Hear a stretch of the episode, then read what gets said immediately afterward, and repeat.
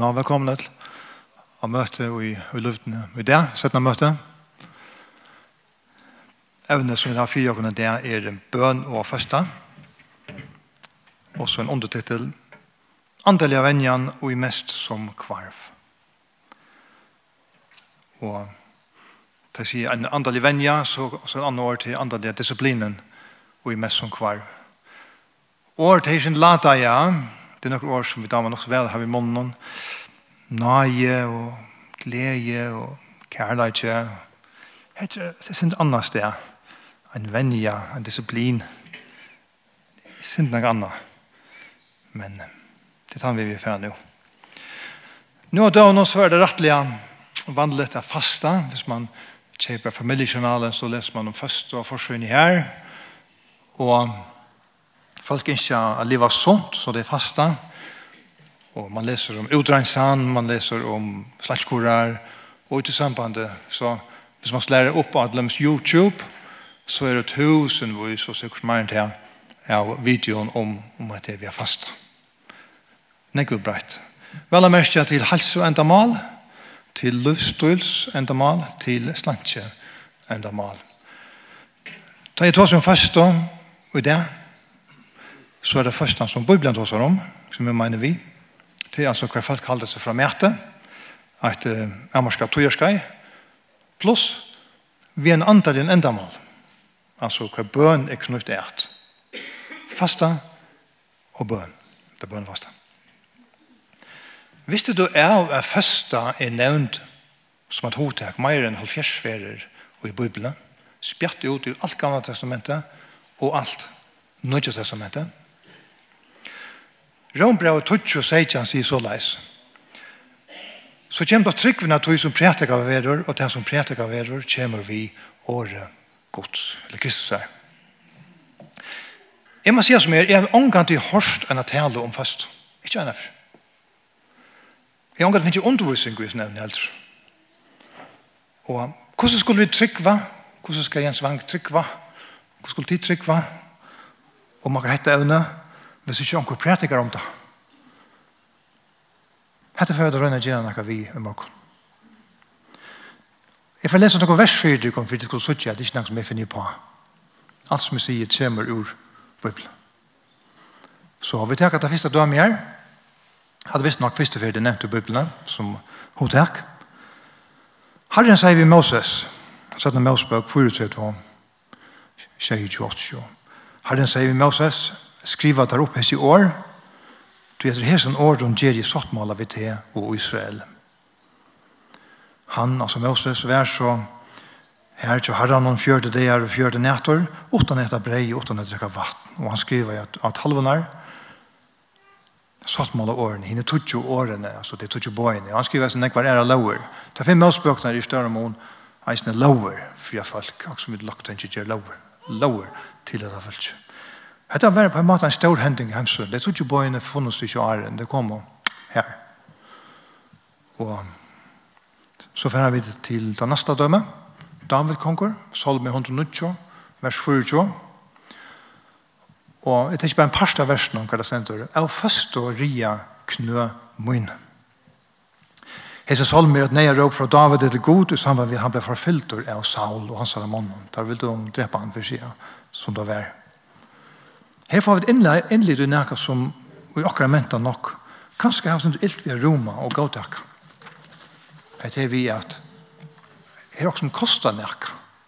Altså, knøyne ria til kinkla av føsto. Og anker sier kanskje, ja, men er det ikke oforsvarligt? Er det ikke osont? Er det ikke sånt vugangt? Vi skal komme til dette vi eh, vid, vid de fysiska kostnaderna man har lyst til å løte. Altså heter vi den andre venja kostar nekka. La meg lukke til Ester reisende. Ester 4.16. Fær og kalla saman alla jøtar som er i Susan. Det er Ester som sier vi Bajan Mordecai. Og halde fast og fyrir minna skuld og i tru samtøver. Nått og det, modi du i kvart leska vått eller torst. Jeg og henne unge jentene munner, skulle eisne halda fast og samme hatt. Og så skal jeg fære inn for kong, til at han er, til at det er umøte lovene, skal jeg så færast, så lær meg færast. Og til minnes ganske søvn av Haman, Øndi Haman, han hei finnes kong til at skrive ut eller på, ut, som ble sendt ut til et land, om at alle jøder avsendt det skulle drepast, hva som er det minne. Og dette var selv forferdelig. Det er jo inklusiv Esther og Hamman. Og de reagerer på enda maten. Det visste ikke bedre. første. Og det gjør de i trydøgn på enda maten. Og som de kanskje minner søvnene, så fører hun inn for kong, og han brøtte mening, og han sier, Heger, jeg sendte en nødvendig på ut, jødene skulle slippe at få våpen utlevere, så det kunne være seg, og enten være at ønsken ble dripen til at ønsken ville leipa av folk som var våpna. Og på samme måte ivlet deg. Hva var det som hendte? Det var første. Nastan alltid har jeg første nevnt i Bibelen, så er det er stendt bøn og første. Jeg skal stendt bøn og første. Faktisk, så stendt bøn omgått det nevnt i Esers bøk. Og det er ikke god heldre ikke. Det er en positiv bøk. På andre måter. Men det ligger så, så underforstå i alle veien at, at selv om det hadde vært bøn i pjør, det er det tog det på god at det, det fasta. Nehemias. Art fyra. Ta jeg fratt disse togentene sett jo græt og syrte flere dager. Jeg fasta jeg og be for Arsjøen Guds himmelsens. Nemia som var skåntjare kongs i borgene Susan og i Babylon. Og Babylon har jo hørst hit til alle jødene og skrattet i råd opp ur Jerusalem og brent murene ned og porslene vi og flottet som trealer til Babylon og underland. Og han får bo fra Bajasønnen som har vært ferast og i Jerusalem er alt ligger øy i heppen hvordan forferdelig Jerusalem er nå. Han fastar og han byr Adlan kapitel 1 og så fer han inn til kong. Han skonkjære, han gjør en vun og kongen sier av ham du ser så tristor ut og da ble han gjørskjøpter og så stendte han litt fitte setningen ta be er til god. Og så sier han som er, ja, ja, er det trist. Og det tog jeg at Mura Jerusalem er det ødder, jeg, ikke kan bygge her, vi kunne ikke bygge her, vi er trealer, vi er her, så her. Og konkur færte hos gått, ja, men takk to, og færre sted, og bygg to, alt oppa at du, takk falske vittar reisene. Hva hendte her? Hva var, hva kom inn i middelen her? Det var bøn, og det var fast. Nemias 8, 1, 23, 23, 23, 23, Så lett, Jag nu finner med seg sted, Det fyras möter ur Israel. Han er är rikva falske vissar. Esra presteren og vi eisene, Så lätt det her vi ånda av onna bo av først, Att vi skulle imi till åkon för anstånd gods åkere, og be han lete lätta etnuna være vi åkken og bøtten åkere, og Och ötlun åtte av feriene. Vi fasta av å ta och bo god åkere om hjelp, og han bønner de åkken. Her er det så at døme om kollektiva faston. Vi korsvar det bare kollektiva en sjolvor. Her er så kollektiv fasta av helt folk sammen. Kipa som byr og fastar. Legg mest til året Eimutja kommer inn her på hent. Eimutja okkon. Og til ikke til forståelsen av at vi vera eimuktor, men til forståelsen av at undergjeva seg god. At vi blir brukt her. lukker lukkar lese Isaiah 16. Isaias 8, 3, 8.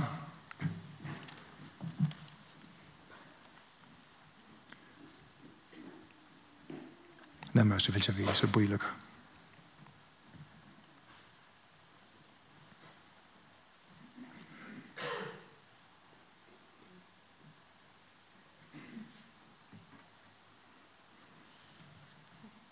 Her er nekka tekst.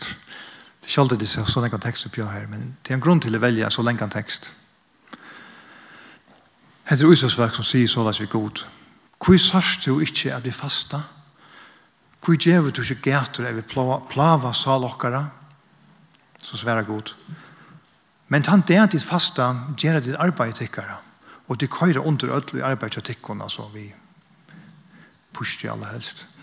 Jo, til at kjærka så strujast fasta dit, og til at slå vi neva godløses. De fasta ikke så nå at rødtikkere kan være hørt av hattene. De fasta på han skal være mat så gjør det. Eller de gjør skrev ting i samband vi fastna. I dette fastan i mer lykar, det er hvor de menneska plavar sjalsvina, at han ikke høtte nye som sev og reia seg sjong i setje og øsko, kallar du det fasta og det som harran toknast, altså at gjør alt sin synder og fasta, kallar du det fasta. Så kommer vi, hvis vi skulle fasta, så gjør som, som jeg sier nå, er hette ikke fasta i mer lykar, at de løysa lantjur godløysis, sluta åkbåndene, sleppa kua av en leison, og bråta kvørst åk. Ja, at du djever hinn og bort bortur en breie tøynun, huser heimleis og neier døyrun, klær hinn nakna ut og sørst, og vender ikkje tøy bætje som er ditt egna hold. Ta skal jævst ut renna, ta du gjørst hatta. Altså rattfer ut en løyve og festa saman. Ta skal jævst ut renna opp som morgonrøyen, ta skulle svar tøyne kjøtt vera grøtt, Rattvist tog skal genga fire til her. Og dård herrans atlas vi fyrra lei i tøylen. Her sier god tøyle vi utsatt folk, at førsta saman vi, ja, synd, passar ikkje saman. Det er ikke fyrir en følelse vel, jeg fylse god ut som gjerren og levna jeg, at førsta gjør meining, ser vi i Guds perspektiv. Det er slik at Daniel leisen. 22, tror jeg. Daniel, hei, takk inn til oss hyrst, tror jeg viker, leselig av mæt og at i omgang. Kjøtt og vinn kommer ikke i munn, og ei heldur jeg er med fyrir nisse trutja viker var at enda. Henda fastan blir ofta røpt Daniels fasta, til hans sin rørvis. Her er trutja viker helst fra lesli og mæte, og lesli og drekk. Aller helst er han bare etter grønt, og drukje vatten. Og jeg skal komme til, dette er nek brukt i, i kyrkjesøvne, samkomsøvne, etter vi at man ikke helst 100% fra mæte, men fra nøkos løye av mæte. Daniels fasta. Det er så fælt nødja testamentet, eller det er okkur døme her reisende. Det første kronologiske døme til Anna, Lukas 2, 6-23. Her var reisende profetinna, Anna, døtter Fanuel, av at Asers. Hun var ekkert gammel, hei liva tjej og arv i mannesøgnen, fra tog hun var møtt, og var noe antja, om fyra fors år gammel. Hun var ikke ikke ur tempelen, men tante god til vi kvarjon, vi festo og bøn nått og det. Sammanhengen her er at Jesus han er blitt åtta dagar gammal, og som tradisjonen var til gjøtnen, så ble han leit til tempelet til han skulle omskjerast. Her kom tve folk, og som en ting kom til han, tve eldre folk. Og det er først. Simeon, da stender om han at han var rattviser, han øtta i skot, og heilig anden var ivra honom. Og så kommer hentan her kvinnan, profetintan Anna, som tante gode vid bøn og fest i tempelen. Det er så ferdig Jesus selv, han forstår jeg snø. Matteus 4, 1-2. Ta vi Jesus av andan, og legg mest til av andan. Leitur nian av øymørsna, av vera frest av vera djevelen, Ta jeg nu hei fasta fjörde degar og fjörde netur, hungra han til endan. Legg mest til at Maxim Moses fasta i Arna, Arna Arne størst og ekstraordinært hente, så lest fasta Jesus at nu beint og punter at han sa at henne skulle bryja. Matteus kapitel 1, han til, til 18 halver, kapitel 2 til hans føying kapitel 3 til han var døptor, og nå, nå, nå, nå kommer ferreier, nå kommer nytt gira, han kjente ut, han fyragar til, og ha en ekstrem fyrer, så han fjørte det her. Jeg fasta ut i øymørsene. Og så neste versene, som han leser, nu fer han gongt, og så stendte, nok kvar versene stendte, nå begynte han å prætika, og han begynte å gjøre omtor og tetsjen, og så frammeis, hette han forlevaren, bøn og fyrsta. Og som en parentes kan jeg nevne at det tror ikke personer i Bibelen som standa nevnte at det her var fast og i fjørde det her som sjå det super ekstremt. til Moses, og Elias og Jesus. Det minnes ganske oppi av fjallet noen tar Jesus ombrøttest, tror ikke lærer som han var vi noen. Hvor var du her? Sammen vi Jesus, Moses og Elias. Det tror ikke som jeg nevnte det her fasta i fjørde det her. Jeg vet ikke hvor, men jeg kan stedfeste det så sier det. Matteus 6, 16 18, ser han kjent brått. Vi norskast enda når vi leser opp nå. Ta i ditt fasta. Ta i ditt fasta. Stendig ikke de skulle fasta. Stendig ikke om ditt fasta. Ta i ditt fasta. Gengi ta ikke vi myskun anledes som higlerne. Tog der elskapa anledes sutt for at menneskene skulle sutja etter fasta. Sannja sier til henne, Der har langt å finne lønnsøyene. Nei, ta du fast der, salva til høyt høyt og vaska til her om anlite, for det er ikke mennesker skulle suttje at du fast der. Men ferie tøyen som er i lønton, ta skal ferie tøyen som ser i lønton lønne til. Legg mest til. Versen er bare ikke åren, her forteller han om at det var olmos til til fatøkfolk. Han brukar akkurat som år, ta ui tid, det var olmos. Det er så ikke som farsierne og hyklerne, gjør det heller såleis og såleis. Og så ender vi som åren, ta skal ferie til hun som ser lønnet og lønnet der. Nå vers 17, så er det bøn, og han begynner vi, ta ditt fast, ikke, ikke ta ditt, ta ditt bia, sier han, ta ditt bia. Gjør det så ikke som hyggelærne, nei, fer inn i løgnekammeret ut, vi ferie var, det her han lærer ferie var bønene. Og så ender vi akkurat som morgen, ta skal ferie til hun som ser lønnet og lønnet der.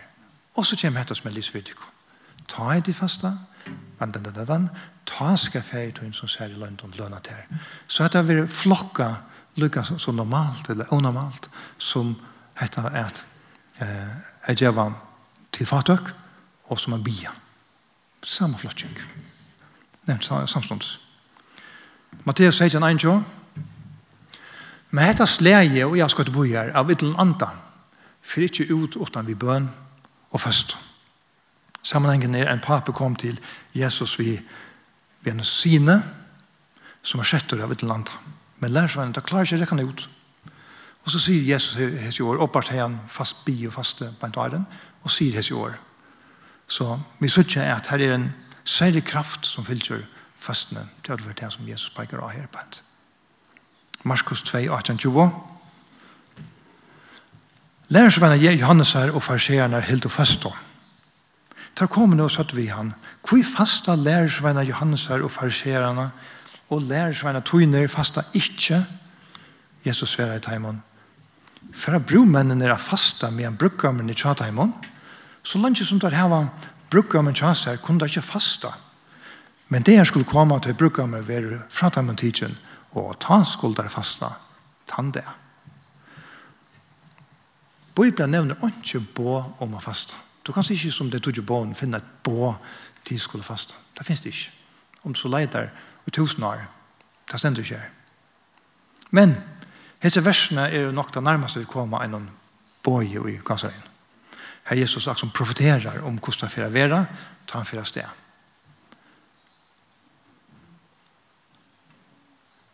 Ta skulder fast. Ta han det. Ta i ferdig. Jeg lukker takk Paulus reisende og det første kristne, apostelsson 9, 8, 9. Saul røstes nå opp av hjørnet, men da han let opp egene, så han ikke. Der tok det i hånden seg, og lette han inn i Damaskus, og trodde at det er vært han åttan sjøen, og kvørste jo at eller drakk. Heter hentingen av Damaskus-vennen. Her Paulus møter Jesus, og han er jo kjortje av Iva.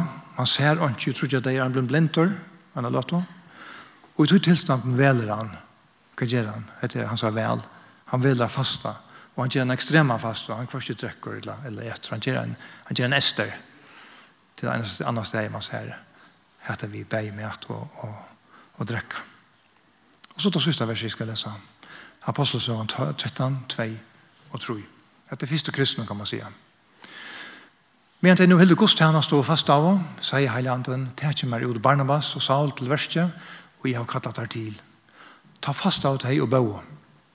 Og da løter hendene av deg, og løter deg sjåfæra av sted. Samt kan man visste vel at hese trobare for av sted, og en av meg med glafer. Da var det helt sikkert lusvandet for av sted. Hva gjør det deg? Det visste ikke bedre enn at de, de fasta og bo. Ok. Som jeg nevnte, Janne, jeg har selv omgått i hørstene tale om fasta. Det har vi ikke. Um, schalt om hette vi først og nevnt mer enn rundt om i bubblan. Hvordan blir det til? Hvordan blir det til? Ein mener ikke på. Hvis man kan ha kyrkjesøvnene, eller samkommesøvnene, hva var man vil bruke, så hendte nærka under trobåten, som jo var tullig i 1500-tallet. Munkeren Marsten Lotter, han, han møtmalt. Han han slå av seg tesene opp på en kyrkjord her, da vi startet, og han møtmalte en sånn praksis som han helt han tog ikke finner beleg for i Bibelen. Og det som han møtmalte, og det som på mater han møtmalte, og det som ble kallet sættene for protestanter, var at einhver venja, einhver læra, um, som, som så det så helt opp møter, man kan få frelse og vi verskon, og hun er ikke dødt. Du får ikke frelse vi versk. Du får ikke frelse vi at det var penger av lot. Du får ikke, penger, du får ikke frelse vi at fasta eller nekka annars sort praktisk fysisk. Du er frelst vi trygg av nøye alene. Alene Ølestøren, den dag. Og det var godt, så han der, at reformatorene røpte varska og fikk stekka hesson. Men jeg halte dette førte til en iverreaksjon. reaksjon som Arne Djenko, som Øltnar Føvra.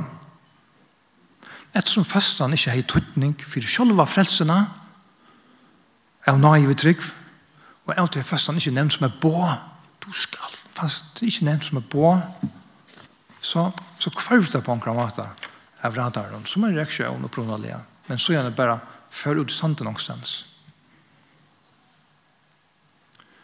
Protesten til protestantene, før kanskje så lenge, eller å lengt, Så det gaua, det sunna som var her, ble kastet ut av eisen. Det kjenner ganske danske uttrykk Jeg kastet barnet ut med bedvannet. Altså til badnet vil jeg bæ, så kastet man bedvannet ut i skite. Men ikke bare kastet badnet ut av eisen. Badnet måtte bli halta. Det er ikke det her som jeg alltid hender her. Det er nekker ærer, halde jeg, gauar andalige venner som, som vi eisen mistet her atter som jeg ville ikke selv bli støveier av, tikkene frem at og hukte nær i at. Det kunne til lømmes være kristen meditasjon, heter vi at meditera i vår vers, meditera i vår gods år, som en, som en disiplin i selv om ser. Det kan være hette at livet er simpelt. Jesus levde jo eller simpelt. Lærersvannet levde øyla simpelt. Paulus framveis levde øyla simpelt, og materialistisk liv. Og så tria, det er hette vi er ferdig ensamme. En skår i solitude, som en disiplin. Inn i løgnekammeret, ut i natturene. Søk, bruker det her ferdig ensomme, vi vilja som en disiplin. Vi kunne nevnt nekk andre sånne ting, som glir bort på en måte, at jo i reformasjonen. Som jeg fyrer fyrreker med, så er Lisa en bøk fra 1924, en brett i skrivene. Og han er gjort det største research om dette vi festet, Og han skriver et avverst. Han fann ikke nøkron bøkasavnet av de enska malen. En av de eneste bøk som sier nekka om føstå. Lykke fra tøyarskainon eh, 1800 og halvtrush fram til eh, nei, 1800 trush til en fyr i 1900 og halvtrush nå. Knapt 100 år. Ikke en bøk i de ensktalene heimene. De protestantiske heimene. Ikke en. Oppsøkene av tøyene så fann kyrkjene på at letja enn en fjørde det er først og bant opp at påsken om. Og det er sikkert inspireret av at Jesus er fjørde det er fasta igjen. Og at han var ikke løft at eta kjøtt og, og avvise aktiviteter var banner. Vi kan kan kalla dette for en Daniels fast. Det er en annen først han byrja jeg var en varsla hilden her. At de møter var løft, man, som man også heller for ikke etter det gått til fjørde det er, så lette hun hevende varsla nå. Så hei man så eisne. Eh, tann dævren til i morgen. Første lavent. Første lavent mestjer fastel abend. Det tukste år. Fastel til er fasta. Abend til kvöld. Så første kvöld. Akk som vi hava jólaftan, kvöld i åren Jol. Vi har påskeaftan, kvöld i åren pørsne. Så har vi første aftan. Faste lavent nu det finns ju en helt annan obskuran tutning men det var upprånande tutningen nu har de så kan gå bötterna som du vet gryllo. Till en maskerata till karneval. Och det karneval la tungst karne och val utan kött utan kött Okej, okay. och i reformasjonen blev fastan kort ut. Faktisk tog jeg det var katolsk. Men det var ikke helt rett. Til hun er ikke katolsk. Som jeg har lyst i Janne, han er bibelsk. Jeg leser første vers for deg, Janne. Det var trus andre vers jeg ikke les. Så det stod at det mangler beleg for det som jeg sier nå. Og jeg husker, jeg tror ikke kom, men jeg vet, hei ikke nærhet til sned, og kanskje onker enda husker rett rett opp på det privat. Privat. Et øyla viktig det her for eia. Førsta, hon kostar for han som for undres av venner. Det er onker hatt innbyggt til underforsteget. Kostnaren er ikke en bagatell. Hold det bergist i møter tog som for gang vi er fasta. Det er omkring hatt sentralt tøytninga mykje er så er at det er faktisk en til atlaver pastor av fastene er at det koster. Altså, av fasta, det er, tar man gjør hit som kostar. Det krever vilja, det krever disiplin, jeg kan ganger så leina i ødelførende fyrsten. Sånne folk reas først. Og som folk også, hvis ikke etter trudja målt å gjøre, og tverda trutja drekkamåner, og det, så er det farligt. Altså, det er farligt. Som folk reias først. Tror svangten føles, og i kroppen noen. jeg kan som lukkast godt på, det er slett farlig, i behøver. Men kost detta, vi har också mätt en dag, två dagar, tre dagar, fyra dagar, fem dagar, sex dagar, tjugo dagar. Det är inte farligt. Och undantag är folk som har av sig sjuka, det ska komma till. Men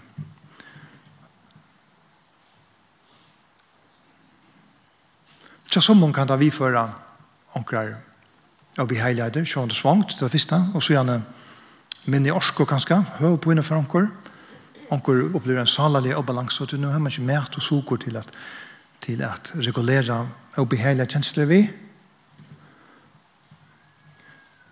Jeg må fortelle en til å sove nå. En bøndagere, en affær, var det en affær, en høna. Og en grus.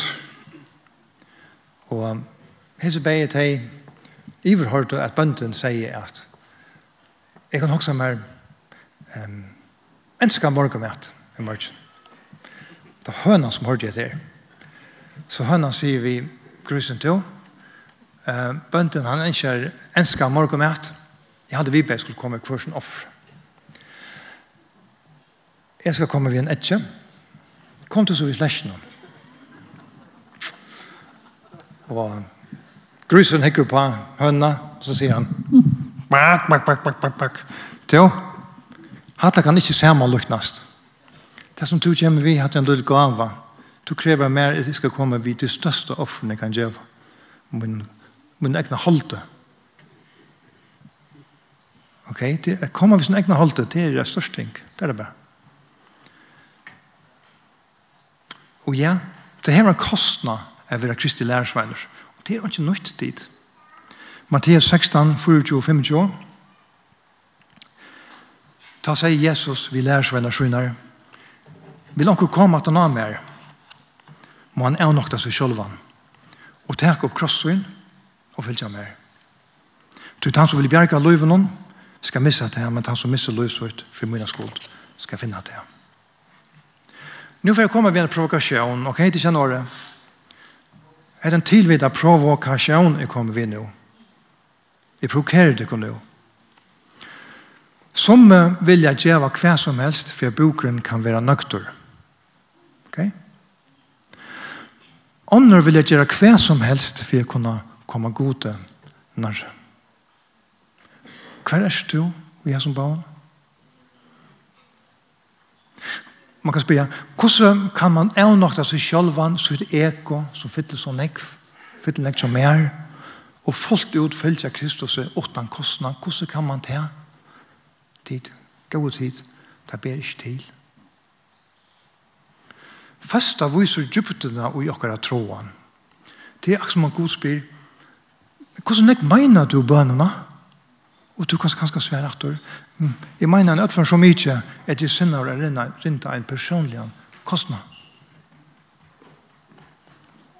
Og det vil helt lagt opp til at vi denne lytte løte må lage holdt det av alt der. Lette ego og stoltleikene til viks. Rømbrev 12.1 sier det er noe godt. I amen til kom tog i braver, vi miskom gods.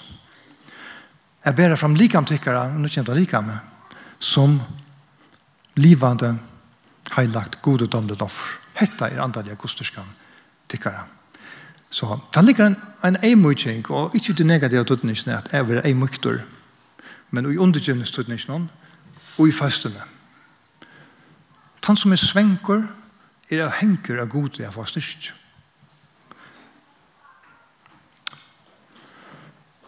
Han som fastar mest på egna kropp enn å løte enn vi er avhengig av god og i ødelen løte. Fokus blir flott fra egna likamlig tørve og ivra god.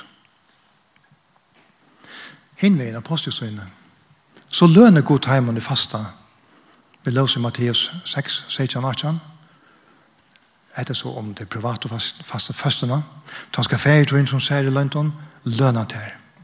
Og minst til etter til at, hvor er det funnet på fastene? Ja Den samme som har funnet på bøn og funnet på hetta vi et synes jeg lovsang og tilbe. Hvor er Gud funnet på hans tingene? Jeg vet ikke. Han er funnet på, han er introduseret det. Han er eisen introduseret førstene som jeg tenker. Og det er alt hever et gibri andalet endamal.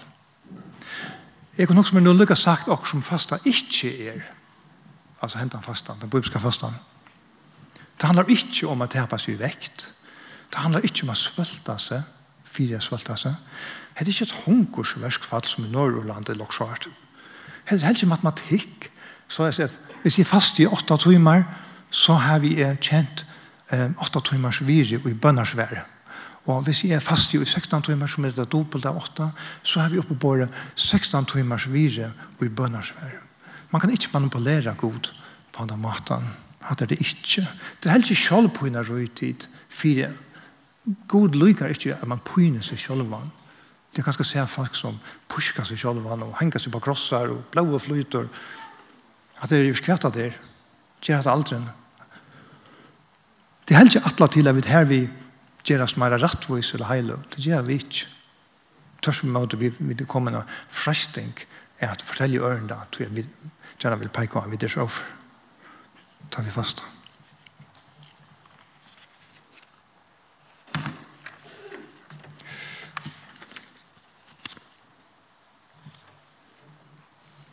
kanskje anker også at fasta minner og nekk om versk. Altså, skal de gjøre, skal de gjøre nekka for å oppnå nekka, altså, her, akkur, akkur, akkur. Og ja, det er rett, det er versk. Men de, de må ha god frøn i ordan. Man tar som rattvisgjering, man tar som heilagjering, man tar som dordagjering. Rattvisgjeringen, her er ikke versk, det er ikke versk. Det er nøye, vi er frelst. Det er ikke av versk, vi blir frelst hatt av rattforskjeringen. Heila gjengen, jeg skal lukke lov at det kan handle ikke om annet enn versk, og brøyde dagar sinne le, og at leva som Kristus, og være brøyt ut som vi gjør. Ja, det handler om versk, og lenge om banen neisne, men ikke av tvingsle, av nøyslo, men av frelstånd salen som vil ikke tjene tjena på kjallbøye som frelsare. Tja, sleie, er versk. Men jeg tror ikke om sjående fra gode tid, og en neiv pastor og akkurat like med, for det skal fungere, alt godt og mæt. Men til avverst er henne ønte brukte mæt og i Edens hava. Adam og Eva, hvordan blir det frest deg, hvordan får det deg? Det blir frest deg ved mæt. Og den sættene Adam, Rombrev 2 som den sættene Adam, altså Kristus, og i øyemørsen her, han ble eisende frest av ved mæt. Den første frestingen av ødlom. Henne ønte sier vi han, Er du sånne gods, så si at hese steinar skulle være brei. Kom an, vi skal se hvorfor du erst. Ta en fastar, så sier man nei takk, en løte til nekka som annars er pura, lovlet og godt. Fasta var ofta vi til da vi leser disse versene, jeg sier, i og fjersversene, som man dykker, dykker ned i alt hinne, så var det nesten alltid at fasta førde til en større sigur, eller et ondur, eller et bønnersvær. Ikke alltid, men ofte. Fasta er det vi til å gjøre at vi tøyer er marska er nokta til naturlige, altså akkurat tørver, til mæt, så mottekker vi mer av det naturlige, eller ivenaturlige. Det tar vi fasta, tar bøyda vi nok tenke om. Mætskalen vi bøyda om, vi er en sikning. Det fysiske vi bort om vi til antallet. Det kjønnelige vi bort om vi noe som er avkjønnelig. Og det gjøreske vi bort om vi til evig eller himmelska. Først lærer dere eisen frahalt, at året her, frahalt, disiplin. Vi leser om Jesus, han sier, er komna sett at det kunne i fralse. Tog er nøyet eisen å kunne si nei, og ikke bare si ja, Og hette galt han også nekvun i mot okkara hoer, okkara lister, okkara appetitter, okkara gyrdeisne som menneskje. Utan evne sier nei, er han ikke fralse. Han som bare kan si ja, fylgja sånn appetitten og listum, er trealur et sånn og listum. Han som er fruer, til han som kan si ja, mm -hmm, et eller nei. Og han velger seg nei, til jeg vet at ja, hans føre er ikke godt for meg. Det er den fralse personen. Det er han som Jesus har sett i fralse. Det er han som kan si ja, han kan si nei, og han vil si nei. Versene rundt omkring i Bibelen om fasta, det er snikkes ikke om nærmere fasta. Det er snikkes heller ikke om hvordan lunge, eller hvordan så. Det er ikke bare den til når hjertet støvner, tar man fasta. Tog er vi alle frytrygg ved at det kjenner metod. Det er ikke metodist superratter skal jo mate jeg faste på. Faste er bare halda seg for mæte av andaljen av hon. For halka seg til god og i bøn. Og i bøn så gjør vi flere slø av faste. til ekstrema til å faste for mæte og drekka. Moses, Esther, Paulus. Og til ikke vanligt. Og faktisk vil jeg gjerne si her, jeg vil male det største varsom er for at han vil Det mest vanliga er å fasta fra mæte. Ikke fra, fra drekka, fra mæte, at jeg må til å gjøre Det kunne være parstra en døgnet, det kunne være halvt døgn, det kunne være fra nottra til nottra til lømmes, onkur fastar oppad stittre, onkur fastar oppad langre. Så det er Daniels fastan som jeg nevnte, Daniel 23. Her fasta er fra gau og mæte og fra gau og drekka. Nekk brukt og kyrkjønne eisen da man tog som her i følgen, første stund der til, og man danser ikke i første, og um, man at bare fisk, man at ikke kjøtt. Hva kommer det fra? Det kommer fra, fra 5, 6, 800 år siden, den praksis man er i dag. Tid er vi nesten lever. Jeg får lykke å nevne noe praktisk. Hvis jeg anker er her som hun hokser seg, omhokser, at prøve den praksis, så vil jeg nevne seks ting nå som er meint Min intensjon er bare at du vil praktisk anpå. At det ikke er nok ting som stand i bøybelen eller noe. Det er bare min praktiske vedlegging og kjenne. Nummer ett. Omhåksa om nekker helsevant i er. Det tycker det är det øyla sjoltan. Men det kan vara personer, Kanske att en kvinna är gravid eller hon ammar, det kan vara någon som har diabetes eller noen er sjuka, som ska vara värre eller helt lätt att vara. Det är det första steg. Och inte skal sig seg sjølvann. Alt skal gjøre at vi skiler sånn. Nummer 2. Det er tvei slø. Kollektiv, altså ser man vi gjør dem, og så er det den privata. Gjør det privata, det så vera vi at oppasjonere Facebook og Instagram og meg, Gjør det i løgntøy så er som vi har last. Dette vera vi middel til og herren. Den allmänna, ja, men en samkommer kan gjøre det sammen, en minne bølger kan gjøre det, en vina bølger. en familie kan gjøre det, Hele land har gjort det. Det løs om Israel, som gjør det som det løs ikke, men et vers eller flere, tog som alt Israel vi kort fast av. Og en, så er stått litt søvlig detaljer. Og 1606 alt trus, ta fire eget den franske kongren en invasjon at det teka England. Og England var om en annan enda til vår bebarat. Så det visste at franske herren var størskere enn tarra. Kongeren lyste en nasjonala fast. ferdig og bi og fast. John Wellesley, han skriver, lute til han, var pratet med over, han skriver og gjerne skriver en tekst hver han nevner at at kyrkjene i London, alle samkommaler, det var mer enn full av følelse som bo og fasta av. Så er det litt detalj, søvlig detalj at vi ikke kan nevne for det. Av anker årsøk, så ombestemmer jeg franske kongressen. Halleluja.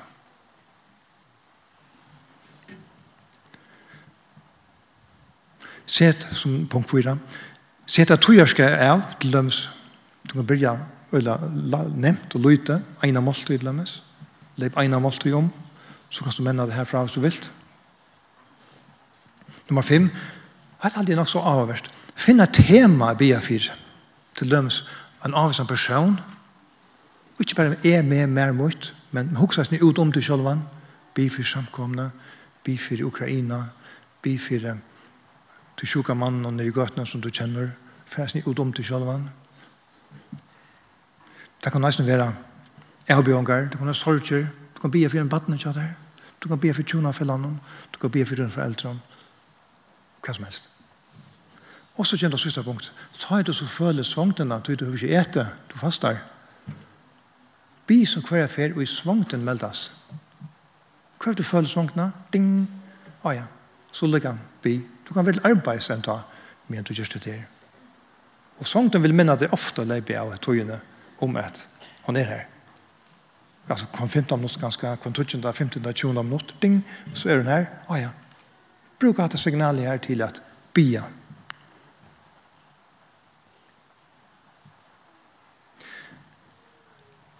La meg si eit eisne.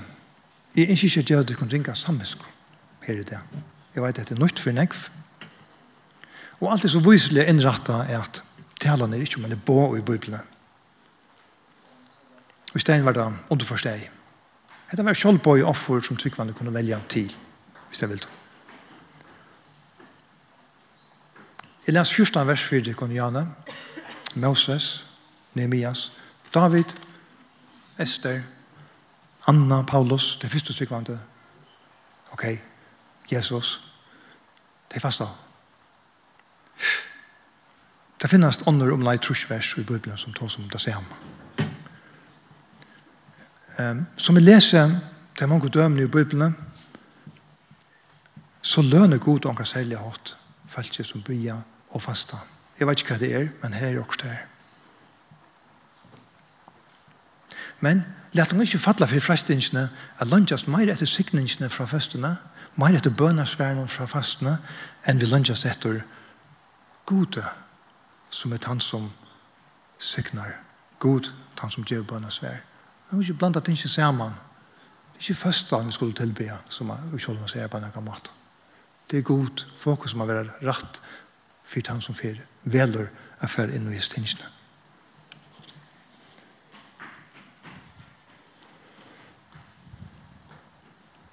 Vi dur imisk tid. Kanskje nekker vi inn her sier Jeg er ikke ordentlig her, Jens. Jeg er ikke ordentlig her. Og dette som jeg nå sier, er kanskje det viktigste som kommer å si i det. Det er å leie.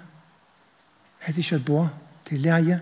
Ikke for å stå kjettor, det er kjett, og, og nakke det selv. Det er leie. Hvis du ikke er her. Det er leie. Kanskje noen andre sier, hm, jeg håper kan dette annars. For å lese at det er versene som jeg har haft her på en. Man kan google uh, all all verses in the Bible mentioning fasting eller så brrrt, så sørst du alt som stender der. Så kan du kanna det. Så tykker vi eisen at det finnes en tredje balkur. Faktisk folk som er klar og ikke er gjør dette. Og til tikkun blir jo værslige. Det er vi ivdruva nekka gjør han ikke bort. Gjør alt vi skile. Men her har anden samført om samført om at dette nekka fyrt det Ikke reast, det er ikke farlig. Da bor jeg der nekv, avverst og spennende, og hesar praksis. Vi får sinja nekka sanger nå, og tror jeg sanger, og at vi mølla ikke komme fram her til bøn, for bøn, om omkring kyrsta. Og la meg si hetta, det er ikke planlagt i mån til munna tala, men det felses så, er at 22. og 23. februar nå, og nekka det er, så vil jeg tiltak kipa, det vil lyst bedre, eh, hva atlan er at minnast årsdagen for at Ukraina ble avlåpet av Russlandet, hva det vil første, det som vilja, og bøn her i samkomne. Eh, så her så høver ikke omkron som ganske gonger sånn tanken. Det kan bli. Herre Jesus, jeg tar ikke det fire jeg vet. Eisen hette evne kunne du teka fram. Takk til fyrir jeg turne. Du er så nøyfotler, du er så du er så milder, du gjør okken imsa velengar i ibnes kampo, og vi kunne takka av, vi vi kunne takka leta vera. Herre, jeg byr jo med at ikke man miskylja bådskapen i det, som en pusk, som nekka tungt, som en byrå, men heller som han har gav fra det her, at rett. Amen.